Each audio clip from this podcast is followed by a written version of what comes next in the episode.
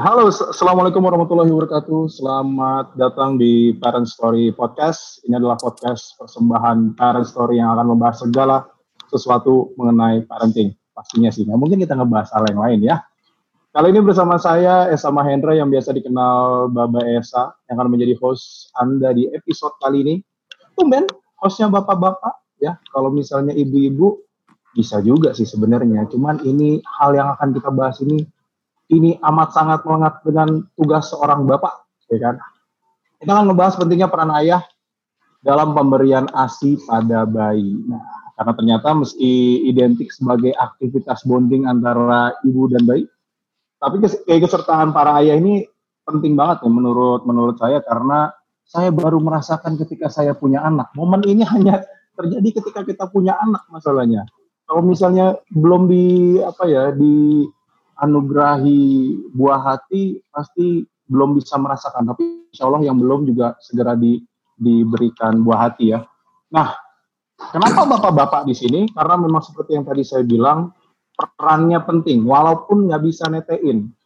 Kalau nggak usah dibayangin nggak usah dirasain karena udah pasti nggak enak kalau ayah bisa netein. Tapi peran ayah untuk ASI ini menurut saya amat sangat krusial gitu ya. Makanya sekarang saya sudah ditemani oleh dua bapak-bapak, wow, bisa dibilang bapak-bapak kan ya, yaitu adalah Mas Rahmat Hidayat, co-founder komunitas Ayah Asi. Halo Mas Rahmat, apa kabar? Halo Mas Esa, baik. Gimana kabarnya? Alhamdulillah sehat. Oke, dan ada teman saya juga yang sudah bergabung, Rizky Kinos. Brother. Halo, Halo semuanya, halo, apa kabar Mas Esa, Dokter okay. Mita, Mas Rahmat. Baik, ya. baik, baik, brother. Yunus ini anaknya udah dua, udah ngeduluin gua, Yunus ya. Tapi nikahnya duluan siapa? Dua Desember 2015. Sama 2015, gua duluan Pak, gua Agustus hmm. 2015. Wajar gua punya ya. anak dua. Iya, iya, iya, iya. Kayak dari rezeki juga banyak kan lu kayaknya ya. Amin. Amin. Tapi gue juga mau banyak juga sih kayak lu. amin, amin, amin, amin, amin, amin ya. Dan gak ketinggalan juga pastinya kalau tadi udah dua orang bapak-bapak, sekarang kita geser sedikit ke ibu karena hadir pula ada Dokter Amita Drupadi. Beliau adalah konselor laktasi ya. Apa kabar dokter? Halo, baik Mas Esa.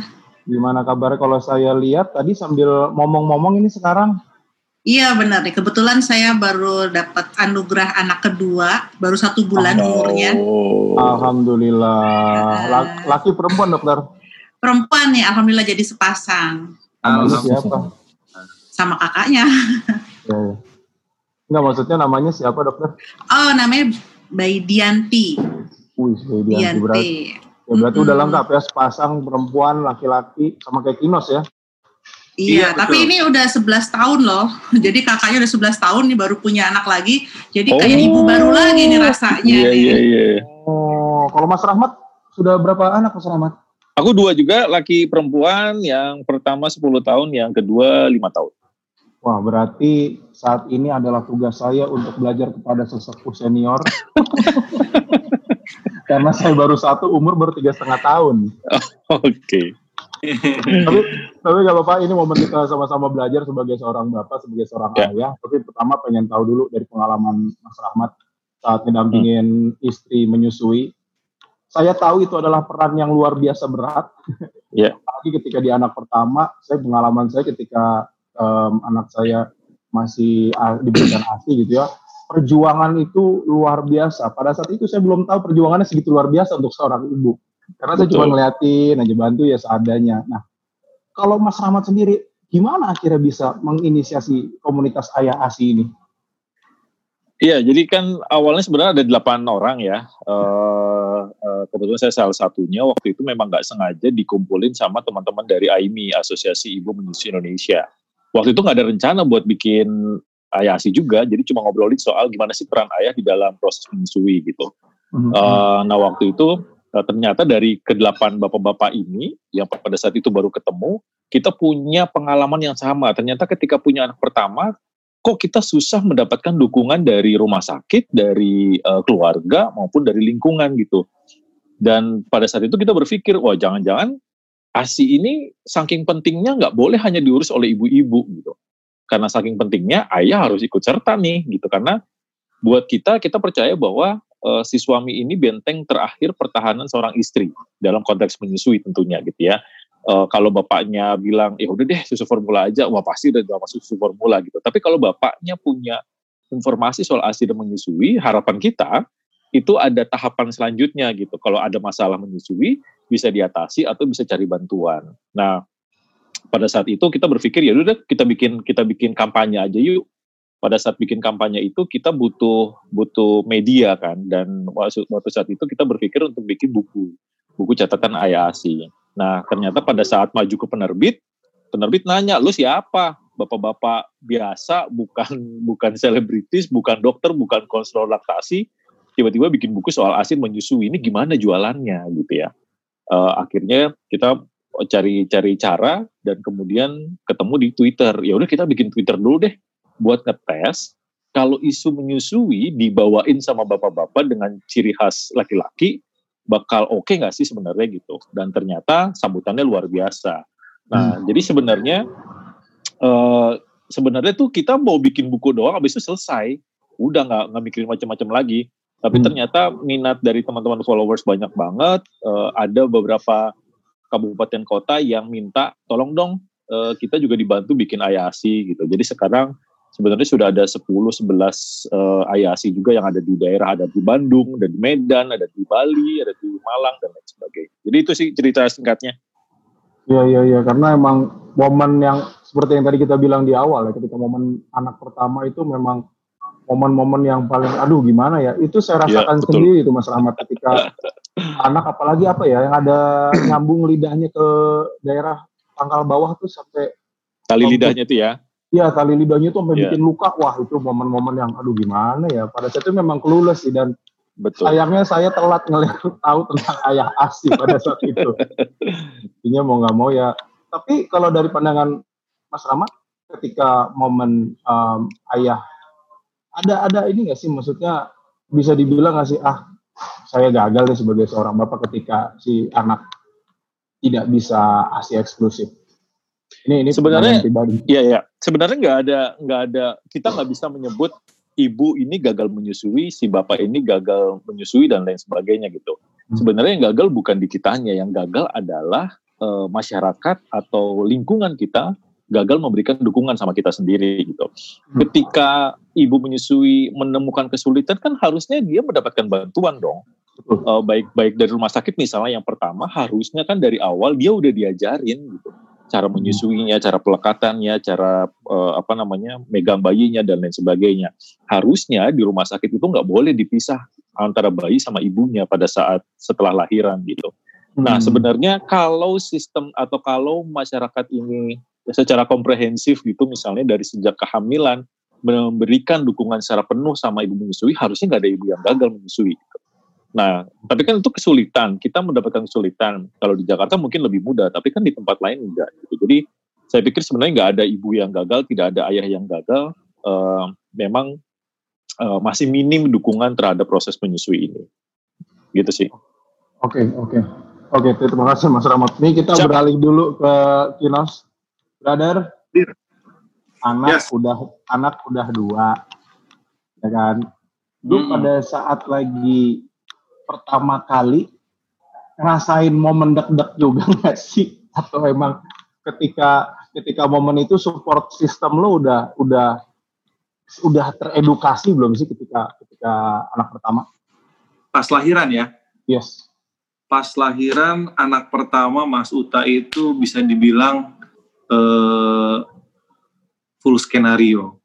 Okay. Jadi semuanya berjalan dengan sesuai uh, skrip dan juga skenario. Jadi bahkan uh, hari H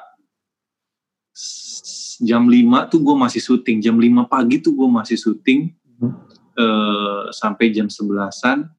Terus abis dari situ gue langsung menuju rumah sakit karena memang sudah jadwalnya mau disesar. Okay. Jadi kalau dibilang deg-degan, iya ada deg-degan, tapi tidak sedeg-degan anak kedua. Pasti. Waktu lahiran anak pertama tuh segala sesuatunya kayak berjalan smooth banget, mm-hmm. berjalan kayak cepet banget ya deg-degannya jadi kayak nggak terlalu Iya. eh, berkesan lah nggak Hmm, seperti hmm, hmm. waktu gua rasain waktu lahiran anak kedua Malah kebaliknya ya, biasanya malah anak pertama ya yang bikin Iya. deg-degan. ke- karena gue sudah tahu akan ada sesar gitu Hmm. bahkan gue kan hari Senin lahiran anak pertama. Nah hari Sabtunya tuh sebenarnya harus sudah eksekusi. Cuman eh, Gina waktu itu kebetulan masih ada kerjaan. Gitu. Sampai masih bisa nawar-tawar menawar gitu sama dokter. Dua hari lagi deh dok gitu. Lumayan duitnya nih gitu. akhirnya dimundurin ke hari eh, Senin. Gue minta please lah lumayan. Tanggalnya juga agak cakep nih tanggal 2 Mei hari pendidikan gitu. Ya udah tapi tanggal 2 Mei jangan mundur lagi. Ya udah semuanya kayak berjalan begitu cepat aja dan sesuai rencana sesuai skenario kayak ya smooth aja gitu. Jadi nggak terlalu deg-degan juga sih. Oke, ket- ketika prosesnya smooth tersebut kan udah masuk lahiran selesai, apalagi ya tahap berikutnya. Oh, tahap berikutnya adalah memberikan ASI eksklusif. Ya, kan? ya Gimana betul gi- gimana lu proses pembelajaran pada saat SNS. lu harus ada mungkin momen ditinggal sama Gina harus yang beraktivitas. Ada momen-momen yang lu ribet-ribet sendiri gak sih? Wah, ini kalau anak yang pertama urusan menyusui itu luar biasa complicated. Saksinya mungkin ada dokter Mita. Eh, tadi yang dimaksud sama Losa adalah namanya kalau mo- mohon dikoreksi kalau salah namanya tong tai. Ya, tangtai, tangtai, Ah. betul. Uta anak gue yang pertama itu tong tai. Yang mengeksekusi kebetulan dokter Mita. Waduh, waktu itu dokter Mita bener-bener kayak eksekusinya tuh nggak pakai nggak pakai bius ya dok ya. Itu kayak secepat itu potong cepat gitu. Terus darahnya ke mana-mana dan gue nggak kuat banget ngeliat darah. Waduh lemesnya, masya Allah.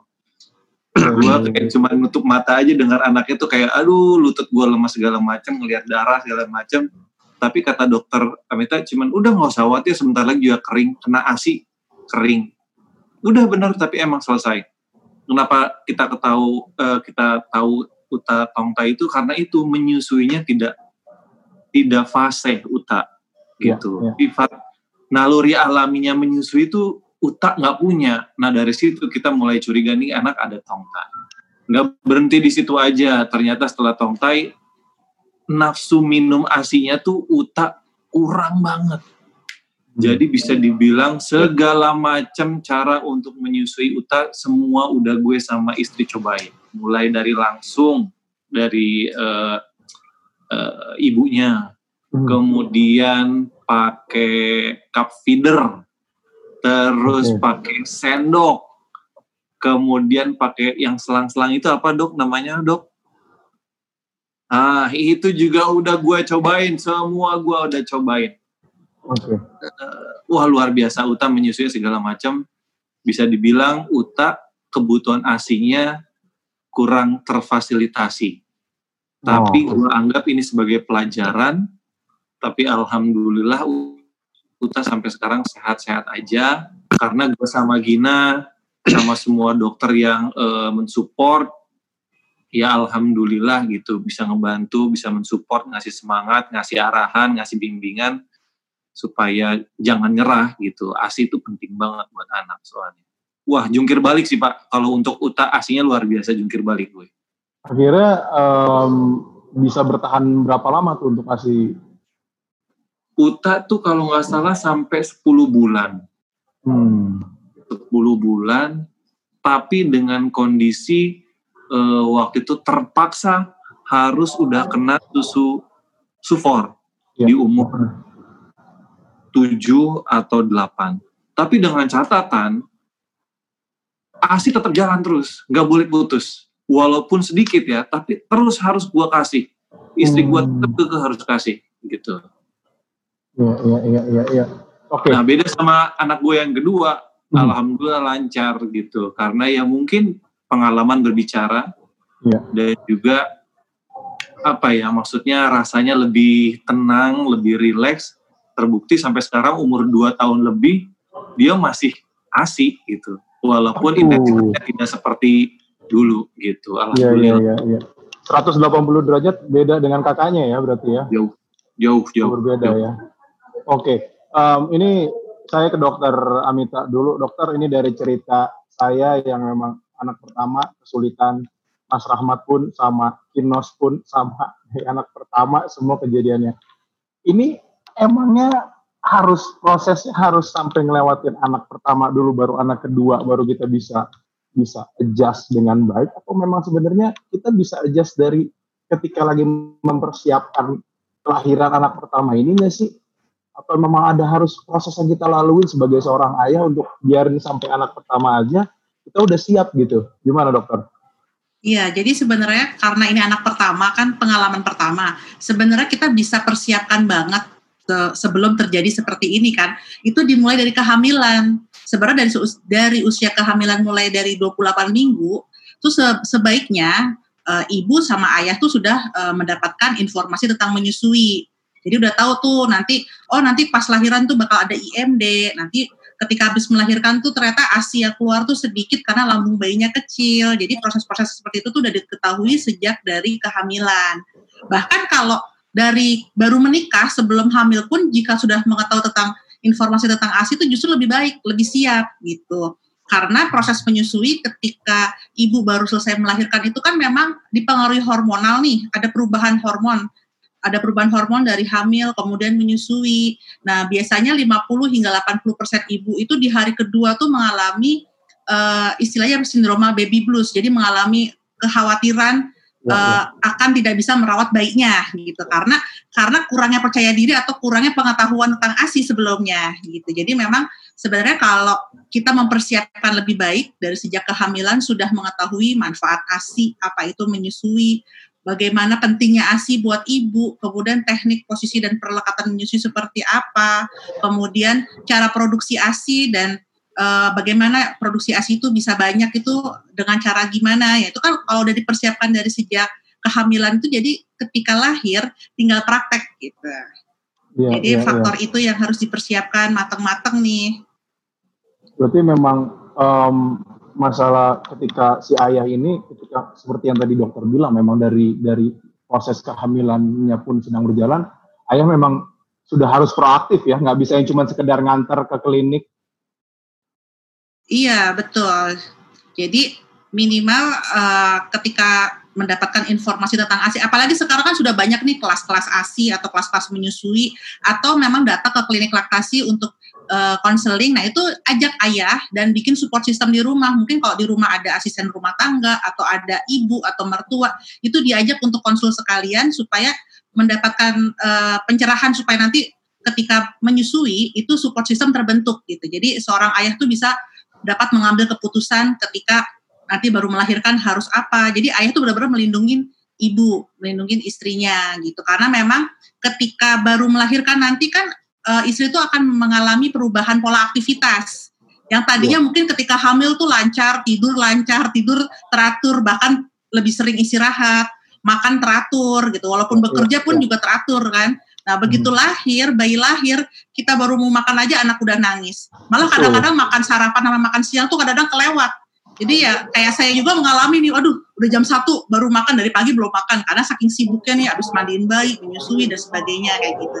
Jadi memang uh, tugas ayah tuh penting banget dari awal dan dan juga berbagi tugas. Jadi misalnya nih dari ketika kehamilan tuh sudah belajar juga bagaimana sih cara merawat bayi seperti kayak ganti popok atau cara menggendong bayi ketika setelah menyusui buat penyendawakan. Jadi ketika istri selesai menyusui, ayah yang gendong gitu. Jadi istri bisa istirahatnya cukup gitu. Jadi itu penting banget uh, edukasi itu tuh didapat ketika dari kehamilan sehingga bisa membantu proses menyusui itu jadi lancar. Ya ya ya ya berarti secara tersirat dokter bilang kepada para suami yang habis pulang kantor langsung tidur tiduran nonton TV tenang tugas anda belum selesai tugas iya, anda masih betul harus banget. membantu si istri Iya, dan belajar juga kayak Mas Kinos, belajar pakai cup feeder atau menggunakan hmm. uh, media lain ketika malam hari kan ngantuk banget nih. Istri kan pasti udah menyusui, udah dia gendong seharian, udah capek. Jadi ya mungkin ketika malam hari bisa gantian ronda istrinya istirahat, suami yang memberikan mungkin menggunakan media cup feeder ataupun sloki seperti itu. Ya, itu ya. sangat membantu banget. Ya, jadi buat para bapak-bapak yang sedang mendengarkan podcast ini, dengarkanlah apa kata dokter. Ya, kalau misalnya tidur jangan pura-pura terlalu pules ya. Kalau dibangunin nama istri buat gantian. melek, melek. Tapi dokter, apa yang terjadi kalau misalnya ayah ini kan kita tadi harus berperan aktif. Kalau misalnya seorang ayah ini, si suami ini tidak berperan aktif dalam proses pemberian ASI ini, apa yang terjadi? Nah, uh, ketika ayah tidak berperan aktif, ini istri aja kan uh, proses normalnya aja ketika dari baru lahir hingga dua minggu pertama itu ada perubahan hormonal secara secara emosional tuh uh, bukan terganggu, maksudnya tuh agak lebih sensitif gitu karena perubahan hormonal dalam tubuh istri kan. Ya. Nah jadi ketika ayah bantu aja istri masih galau nih apalagi nggak dibantuin kan karena ada proses perubahan hormonal ini gitu. Jadi ditambah lagi kalau seandainya nggak dibantu apalagi support system nggak ada apalagi tadi disebut lagi uh, bahwa lingkungan juga tidak mendukung yang ada nanti ketika uh, istri merasa tidak berdaya dia masuk ke fase baby blues dan kalau melewati fase dua minggu pertama ternyata tidak terlewati dengan baik dia bisa masuk ke pasca uh, depresi pasca melahirkan. Itu lebih dalam lagi gitu. Jadi hal eh, hal-hal itu tuh memang harus dicegah sejak dini supaya uh, tidak terjadi itu supaya menyusui berhasil gitu proses mengasihinya itu berhasil. Iya iya. Kalau tadi memang kondisi-kondisi um, si ibu mengalami baby blues itu memang amat sangat wajar ya dok ya? sangat wajar karena tadi ada perubahan tadi perubahan hormon dan pola aktivitas. Tetapi bisa diminimalisir dengan ilmu tadi, pengetahuan tadi ketika lagi hamil, mulai dari minimal trimester ketiga lah, mulai dari 28 minggu sudah mendapatkan ilmu tentang ASI, itu bisa diminimalisir terjadinya baby blues itu. Iya, iya, iya. Berarti para ayah jangan alasan ya kalau suruh bantuin tiba-tiba, aduh, aku lagi baby blues nih. ya, itu terjadi cuma untuk seorang ibu ya, seorang Betul. ayah. Betul. Oke, okay, kita kita ke Kinos. Brother, ini kan Uta tadi yang lu cerita uh, mengalami tangkai terus tadi juga tadi kalau dibantu cerita dibantu dengan dokter Amita untuk proses apa ya istilahnya proses untuk um, bedah ringan lah kalau kita bisa dibilang untuk ya.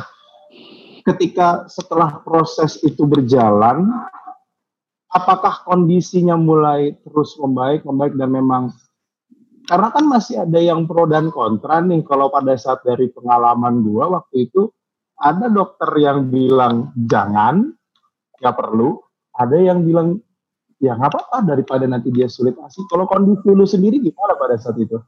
Waktu itu ya uh, instantly dia langsung bisa bergerak lidahnya. Jadi Uta tuh bener-bener lidahnya tuh nggak bisa ngangkat gitu. Hmm. Gitu. Sedangkan kalau menyusui kan dia harus bergerak uh, apa ya? Elastisitas lidahnya itu sangat dibutuhkan. Begitu di operasi kecil itu tongtainya diputus, ya udah dia langsung bisa menyusui gitu. Masalahnya nggak selesai di situ. Kebetulan waktu itu nafsu hmm. minumnya yang kurang gitu. Tapi kalau dibilang membaik, jauh membaik, jelas membaik. Iya, iya, iya, iya. Ke, ke dokter Amita dulu kita sedikit ngebahas tangkai dok. Boleh nggak dok ya?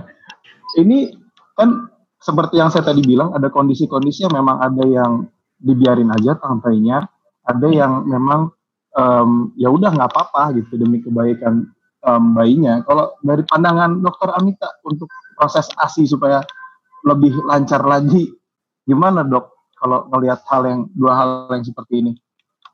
Iya, jadi tangkai ini kan sebenarnya dia selaput selaput tipis di bawah lidah dan hmm. memang tuh ada grade-grade-nya, ada level-levelnya. Dia tuh letaknya tuh ada yang di depan, di ujung, di ujung lidah, ada yang agak ke belakang sedikit, ada yang di tengah, ada yang di paling belakang. Nah, hmm. uh, tangkai ini itu mem, apa membuat kendala menyusui. Nah, ketika kita tahu nih ternyata ada kendala, kita observasi dulu nih. Oh, bayinya ternyata dilihat ada tangkai. Nah, kita observasi hmm. ternyata ada kendala di kedua pihak, di ibu dan juga di bayi. Jadi kalau kalau indikasi tangkai di insisi itu atau di putus itu, ibunya tuh merasa asinya sedikit, putingnya lecet, berdarah-darah dia putingnya tuh bener-bener dia sakitnya luar biasa bahkan dikasih salep sembuh muncul lagi muncul lagi gitu jadi memang ada kendala di ibu dan juga beberapa ibu mengalami karena dia putingnya berdarah akhirnya si anak juga nyusunya nggak maksimal payudara bengkak terus nah beberapa ibu karena bengkak bisa menyebabkan mastitis infeksi payudara gitu. Nah itu itu indikasi dari ibu. Nah kita lihat lagi indikasi dari bayi. Ternyata dengan tangkai ini anaknya jadi malas menyusu. Jadi maunya cuma di ujung di ujung puting. Nah, lama kelamaan berat badannya nggak naik naik. Nah sementara kan memang bayi baru lahir itu memang ada penurunan berat badan tuh maksimal 10%. Nah kalau hmm. anak tangkai kadang-kadang tuh harusnya dua minggu pertama udah mulai naik berat badan bayinya, dia tetap masih turun terus nih karena dia nggak mendapatkan ASI secara maksimal. Nah, kita observasi oh. di situ. Oh. Jadi kalau seandainya uh, bayi yang memiliki tangkai, terus dilihat grade-nya, grade di depan, tipe satu atau dia di tengah atau di belakang, dan kita lihat ada kendala nggak di menyusuinya, misalnya ibunya lecet atau bengkak atau misalnya sakit pada saat menyusu dan juga bayinya ada penurunan berat badan atau memang berat badannya naiknya sulit, nah itu lebih baik dilakukan tindakan insisi. Nah, tetapi nggak semua bayi yang memiliki tangkai uh, mempunyai indikasi itu. Jadi ada beberapa pasien saya juga dia tampaknya jelas banget dia ada, agak di tengah, tetapi berat badan naiknya bagus pesat. Ibunya juga kebetulan hmm. menyusul sakit sedikit tapi nggak sampai lecet, nggak sampai bengkak gitu kan. Nah itu kita observasi aja, jadi nggak langsung nggak langsung dilakukan tindakan. Gitu. Jadi oh, memang okay. kalau tindakan itu benar-benar berdasarkan indikasi yang membuat kendala menyusui, baru lakukan tindakan. Ya, ya, ya. ya. jadi ketika dokter cerita gini saya langsung nge-flashback kejadian ketika istri saya sampai sampai putingnya waktu itu sampai bengkak sampai berdarah itu yang aduh kasihan banget menyusui emang akan semenyakitkan ini ya. Jadi lihatnya ah ya sudahlah kita tantanya harus dipotong sedikit gitu. Cuman kita ke kinos lagi brother. Lu kalau nggak tega ngelihat istri lu tuh keren lah. Puting lu. Kan gue udah bilang di awal tadi kalau misalnya yang bapak-bapak nyusuin jangan dibayangin jangan dilakuin. Udah pasti nggak enak. Iya iya iya iya iya, iya brother lo um, Gina sempat mengalami baby blues nggak ketika di anak pertama atau di anak kedua nah itu dia Gina tuh jelas baby blues kenapa gue bilang begitu karena uh, dia asinya nggak terlalu banyak Hmm. Tapi kalau di, dilakukan uh, apa sih pijatan ya? Ya dok ya, ya ada pijatan untuk ASI lah segala macam. Hmm. Di uh, peras gitu ya. Banyak. Tapi begitu dia menyusui anaknya langsung, itu sedikit. Begitu dia pumping, itu nggak terlalu banyak. Jadi kalau sama orang lain, itu bisa banyak. Tapi kalau sama diri sendiri, itu nggak terlalu banyak. Nah di situ menurut gue adalah salah satu indikator nih anak emang baby blues. Dia tidak percaya diri sama uh, ininya sendiri, maksudnya kemampuan si ASI ini sendiri produksi. Dan itu ternyata mempengaruhi baby blues itu sama uh, apa jumlah si ASI yang dihasilkan. Berbeda sama begitu Uti lahir kedua, itu selalu aja gitu. Maksudnya dia yang ah uh, ada kok ASI gue. Alhamdulillah benar melimpah gitu. Gue gue percaya nggak percaya hal itu ya, but it happens gitu. Wow. se, se pada saat lagi Gina lagi um, baby blues di pada saat lagi utak berarti itu ya. Um, apa-apa yang lu lakukan kalau gue pada saat istri gue mulai nangis-nangis gue cuma bisa diem ya udah kamu maunya apa kalau ya. lu kalau lu pada saat itu bagaimana proses lu menghadapi Dina yang pada saat itu kondisinya memang lagi baby blues? Ya, waktu itu baby blues sampai ada momen uh, dia nggak mau menyusui lagi. Udahlah, hmm. kasih aja support gitu kan. Hmm. Nah, tadinya gue setuju-setuju aja karena hmm. gue nggak tega ngelihat dia stres. Gue juga nggak tega ngelihat Uta yang berat badannya tidak sesuai dengan grafik pertumbuhan. Ya.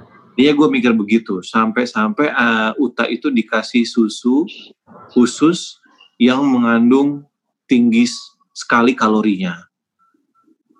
Tapi setelah gue baca-baca, terus juga gue pelajari lebih uh, detail gitu ya mengenai si ASI ini, pentingnya ASI segala ini, gue balik ke push, nggak bisa. Lo harus kasih anak kita ASI. Seberapapun banyaknya, sesedikit apa pun jumlahnya, pokoknya kasih, pokoknya kasih, pokoknya kasih. Ya alhamdulillah sampai 10 bulan atau hampir 11 bulan ya masih dapat ASI si Uta ini. Jadi gue apa yang gue lakukan pas baby blues gue kasih support sih. Gue kasih support pas dia sedang menyusui tengah malam gue nggak gue nggak bohong ya gue bangun gue bangun gue duduk walaupun gue sambil merem tapi bangun tapi gue tapi gue yakin kehadiran gue saat uh, istri gue menyusui itu sangat membantu walaupun gue cuman duduk di sebelahnya cuman megang pundaknya tapi sambil merem gue yakin banget bahwa itu sangat membantu. Iya, iya, iya, iya. Caranya Kinos mungkin bisa dicoba tapi jangan dimodifikasi ya. Takutnya sambil udah tengah malam duduk tiba-tiba nonton bola. Ya kan? Nah tapi waktu itu uh, Pak Esa ya. gue terbiasa untuk menyusui Uta karena waktu itu gue belum siaran radio waktu Uta Hmm. Gina udah siaran radio, jadi kalau pagi-pagi gua tuh yang menyusuin dengan oh. apa namanya sorry berisik uh, gua feeder nyuapin pakai sendok segala macam itu gua hmm. lakukan setiap hari Senin sampai Jumat ya karena Gina siarannya pagi ya jadi ketika anak Betul. melek lu yang nyuapin ya Betul sekali oke okay, ini peran lu kan berarti kalau lihat dari cerita lu tadi memang segitu segitu aktif untuk memberikan um, support ke istri. Nah, Mas Rahmat, ini ya. kalau ngelihat dari Kinos kan kita bisa bilang Kinos oke okay lah untuk luar biasa ya. Asli perjuangan ya. Patut dikasih support dan kasih tepuk tangan lah. Nah, kalau buat yang bapak-bapak, ayah-ayah di luar sana yang masih juga ada males deh. Ini yang bisa dilakukan ayah asi sampai sejauh mana nih? Apalagi di tengah kondisi pandemi agak-agak susah nih kalau kita mau bikin ya. sebuah edukasi yang langsung ketemu. Gimana, Mas Rahmat? Begini, Ya, gini Bos Esa. Sebenarnya gini, kita nggak uh, maksudnya gini, jangan me underestimate si bapak-bapak dulu ya. Oh, iya, iya. Uh, karena gini, kita itu kan laki-laki dari dari kecil tidak pernah dibesarkan untuk menjadi seorang ayah sebenarnya oleh masyarakat kita. Sebagian besar laki-laki itu diharapkan menjadi seorang suami yang bertugas uh, apa namanya mencari uang gitu ya, mencari uang. nafkah. Pulang lo bawa berlian, lo pulang bawa baju baru, lo pulang bawa BH baru gitu misalnya Nah, ya. uh, jadi memang tidak dibiasakan gitu. Belum lagi ada unsur dari budaya gitu, dari adat misalnya. Ada beberapa teman gue yang misalnya dia nggak boleh masuk ke dapur sama mertuanya atau sama orang tuanya gitu. Jadi bukan kemauan kita untuk untuk tidak mau terlibat di dalam pengasuhan sebenarnya, tapi memang dari kecil kita nggak dibiasakan gitu. Nah, uh, mungkin uh, Kino salah satu yang extraordinary gitu ya. Ah, gue mau biasa aja gitu misalnya. Tapi kan ada banyak bapak-bapak yang memang tidak terbiasa. Nah, ya hal yang kedua, sering kali kita juga tidak dipercaya sama istri untuk ngurus anak. Betul. Ada banyak ada banyak banget ibu-ibu yang memang akhirnya gue parno ninggalin anak sama bapak sama suami gue misalnya gitu. Ditengelin sebentar benjol, ditengelin sebentar lecet-lecet, ditengelin sebentar kamar berantakan. Aduh, daripada gue pusing mending anak gue gue bawa gitu. Nah, ini kan sebenarnya tidak memberikan ruang buat kita untuk belajar gitu. Yang kita tahu kan laki-laki sering kali belajar dari pengalaman gitu. Ya udah sih salah sedikit nggak apa-apa gitu. Ya elah benjol doang sebentar nggak apa-apa kan anaknya juga belajar tahu sakit gitu misalnya. Kan kita sering kali begitu gitu ya. Apalagi misalnya dalam contoh mandiin anak deh. Mandiin anak buat laki-laki itu kan main air. Sementara buat ibu mandiin anak itu harus sesuai SOP dan undang-undang yang berlaku di Indonesia misalnya. Itu dia. Harus. Dan ibu-ibu tuh nggak bisa ngelihat kita main air gitu. Pak nggak gitu cara megangnya, Pak nggak gitu uh, airnya tuh kedinginan, nanti kesleo ini itu dan sebagainya gitu. Ya elah belum mulai gue udah dimarahin gitu. Jadi kan males sebenarnya gitu. Nah sebenarnya hal-hal ini yang kemudian membatasi kita, gue males deh, pasti ujung-ujungnya gue dimarahin gitu. Nah sebenarnya yang perlu di perlu diketahui oleh si ibu-ibu dan istri-istri ini juga adalah coba kasih kita uh, pengalaman gitu. Coba kemudian ajari kita tanpa kemudian menggurui. Misalnya ketika mandiin anak, minta kita untuk pegang anaknya dulu, "Pah, kamu pegangin aja ya, aku yang mandiin nih." gitu.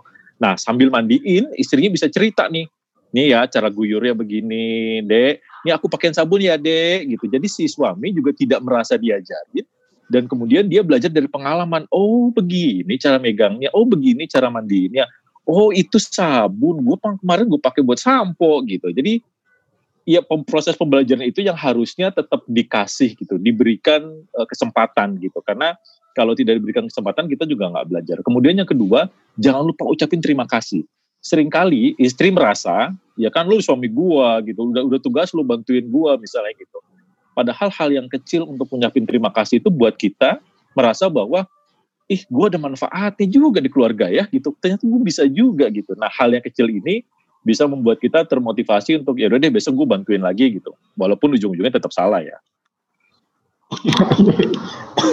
itu itu itu pengalaman di kejadian di saya juga tuh Mas Rahmat ketika mandiin anak standarnya harus ada di level tertinggi. Kita Yo, di level tengah. Mulai dari mandiin, ya nyebokin, nyuapin berantakan. Bener ya, banget. Ternyata eh kita seru nih kita bikin podcast bapak-bapak aja kayak gitu. Yo, yo, betul betul betul. Ngebahas keluh kesah ketika ketika mengurus anak. Oke, okay. ini terakhir pertanyaan untuk dokter um, Amita ini berangkat dari pengalaman um, saya dan istri juga karena pada saat anak pertama ini anak uh, Kion istri pada saat itu sedang aktif-aktifnya siaran di radio. Siarannya pagi jam 5 udah harus jalan gitu dan menjalani dua peran sekaligus. Bahkan yang ibu rumah tangga pun harus yang beres-beres, nyapu, ngepel, masak segala macam, nyuci baju yang juga adalah tugasnya amat sangat berat. Saya menjalani sendiri soal itu nyuci baju juga ngikutin bantu istri. Nah, kondisi seperti ini apakah pemberian ASI melalui berbagai media jenis lainnya seperti yang Kinos lakukan itu di, diperbolehkan gitu? Ini bikin bayi bingung putih nggak sih dok? Nah, sebenarnya pemberian uh, asip ini seperti Mas Kinos tadi sebenarnya justru malah membantu istri. Namun caranya harus benar. Benar itu adalah tidak memberikan asip perahnya menggunakan botol dan dot. Karena botol oh. dandot itu kan kayak selingkuhan ibu, anak ketagihan tuh. Jadi selingkuh dia sama dot. Akhirnya dia nggak mau netek ke ibunya, akhirnya bingung puting.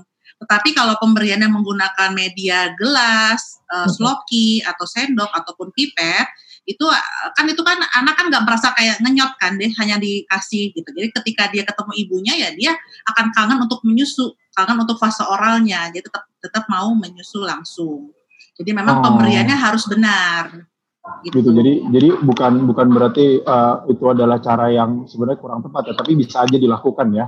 Bisa aja dilakukan, namun ketika ibu bisa bersama bayinya nyusuin langsung lagi gitu. Jadi dalam satu hari ketika malam hari nih udah pulang kerja nyusuin langsung lagi supaya tetap bayi dapat mm, menyusul langsung ke ibu. Oke, oke.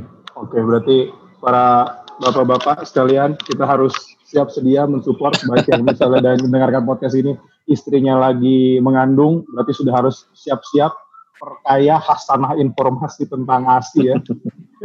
Dan yang tadi seperti dokter Amita tadi bilang nggak apa-apa kalau memang harus dibantu asal jangan pakai um, dot atau uh, apa ya empeng ya kalau sekarang pakai empeng sih baik. Ya. Jangan, jangan ya. Jangan pakai empeng. Ya pakai botol susu yang biasa itu itu bapaknya aja kalau lagi lagi supaya nggak bingung. bapaknya itu anaknya yang beneran punya si ibu ya. Oke, okay, terima kasih banyak. Um, Oke, okay, terakhir deh, uh, Dokter Amita. Um, kalau misalnya uh, bapak-bapak ini yang sedang um, mungkin sekarang lagi punya anak pertama atau yang sekarang lagi mengandung istrinya, informasi-informasi tentang ASI ini bisa bisa diakses dari mana aja sih untuk gampangnya? sekarang tuh akses sudah luar biasa, udah banyak hmm. kan ya. Apalagi kayak Mas Rahmat tuh di Ayah Asi juga edukasi sangat banyak. Kemudian juga di perkumpulan kayak Aini atau bahkan uh, klinik laktasi pun juga sekarang udah di hampir semua rumah sakit juga sudah ada. Jadi sebenarnya uh, perkembangan informasi menyusui itu udah udah sekarang tuh udah mulai banyak gitu. Oke, kalau dari Mas Rahmat gimana Mas Rahmat untuk informasi-informasi mungkin ada yang bisa di-share Ya, kalau teman-teman sih sebenarnya bisa follow Instagram di Ayasi aja. Uh, apa namanya? Seperti biasa kita sebenarnya menyampaikan soal informasi ASI dan menyusui dari sudut pandang bapak-bapak gitu. Jadi bahasanya nggak terlalu kaku. Uh, ya kita bilang payudara ya kita bilangnya tete gitu ya. Kalau menyusui kita bilangnya nenen gitu. Jadi ya biasa iya. aja gitu. Nah kemudian yang perlu diingat sebenarnya uh, jangan lupa untuk ngobrol ini soal soal pembagian tugas nih. Seringkali istri sama suami nggak ngobrolin soal pembagian tugas gitu dianggap itu sudah sama-sama tahu padahal nggak juga gitu karena perbedaan kultur tadi gitu. Jadi sebisa mungkin tolong bapaknya atau teman-teman kita sendiri juga apa namanya terbuka gitu bahwa yang namanya orang tua tuh ya istri sama bapak gitu. Yang namanya ngurus anak tuh ya tugas tugas suami dan ay, eh suami dan istri gitu. Jadi jangan dibebankan kepada istrinya sendirian. Yang penting jangan merasa jangan biarkan istri kita merasa berjuang sendirian untuk menyusui karena bikinnya berdua ngurus anaknya juga berdua. Iya, iya, iya, iya. Kinos, mungkin lo ada um, patah dua patah semangat yang bisa diberikan kepada bapak-bapak yang sekarang sedang berjuang dan sedang mendengarkan podcast ini. Iya, percayalah buat teman-teman di sana yang uh, belum menikah atau mungkin sudah menikah tapi belum punya anak, yang namanya jadi suami, yang namanya jadi seorang bapak, nggak melulu tentang menafkahi uang. Nggak sampai di situ sih. Jauh lebih sulit begitu lo harus sabar, lo harus punya kehadiran selalu untuk istri lu dan juga anak-anak lu, lu harus punya waktu buat anak-anak dan juga keluarga lu, itu jauh lebih jauh nggak ada di luar dugaan gue, nggak ada di bayangan gue sebelum gue menikah. Dan itu sekarang gue sedang hadapi, gue berhasil melewati itu dengan alhamdulillah lancar. Jadi mudah-mudahan ini pun bisa kalian lewati gitu dengan dengan mental yang kuat beneran deh seru Seru ya. seru, seru, banget. Seru banget. banget. Seru, seru banget. Oke, terima kasih banyak Kinos, terima kasih banyak uh, Mas Rahmat, terima kasih Siap. banyak Dokter Amita sudah berpartisipasi di podcast Parent Story kali ini. Terima kasih banyak. Um, kalau misalnya uh, Anda yang sedang mendengarkan podcast ini merasa butuh informasi dan pengetahuan lain seputar parenting, bisa akses langsung di websitenya atau di apps-nya Parent Story dan klik laman journey-nya ya, karena Parent Story menunjukkan banyak sekali artikel mengenai parenting. Tentunya dimulai dari kesehatan, tumbuh kembang anak, bermain dan aktivitas anak, karir dan keuangan, gaya hidup, hingga edukasi. Jangan khawatir karena semua artikelnya terpercaya dan bersumber langsung pada pakar. Jadi selamat baca-baca, selamat klik-klik habis ini gue langsung masuk ya. Oke, sekian dari uh, podcast kali ini. Terima kasih yang sudah mendengarkan. Sampai berjumpa di episode berikutnya dengan Pak pembahasan yang pas pastinya akan selalu seru. Saya Esa, pamit undur diri. Assalamualaikum dan bye-bye.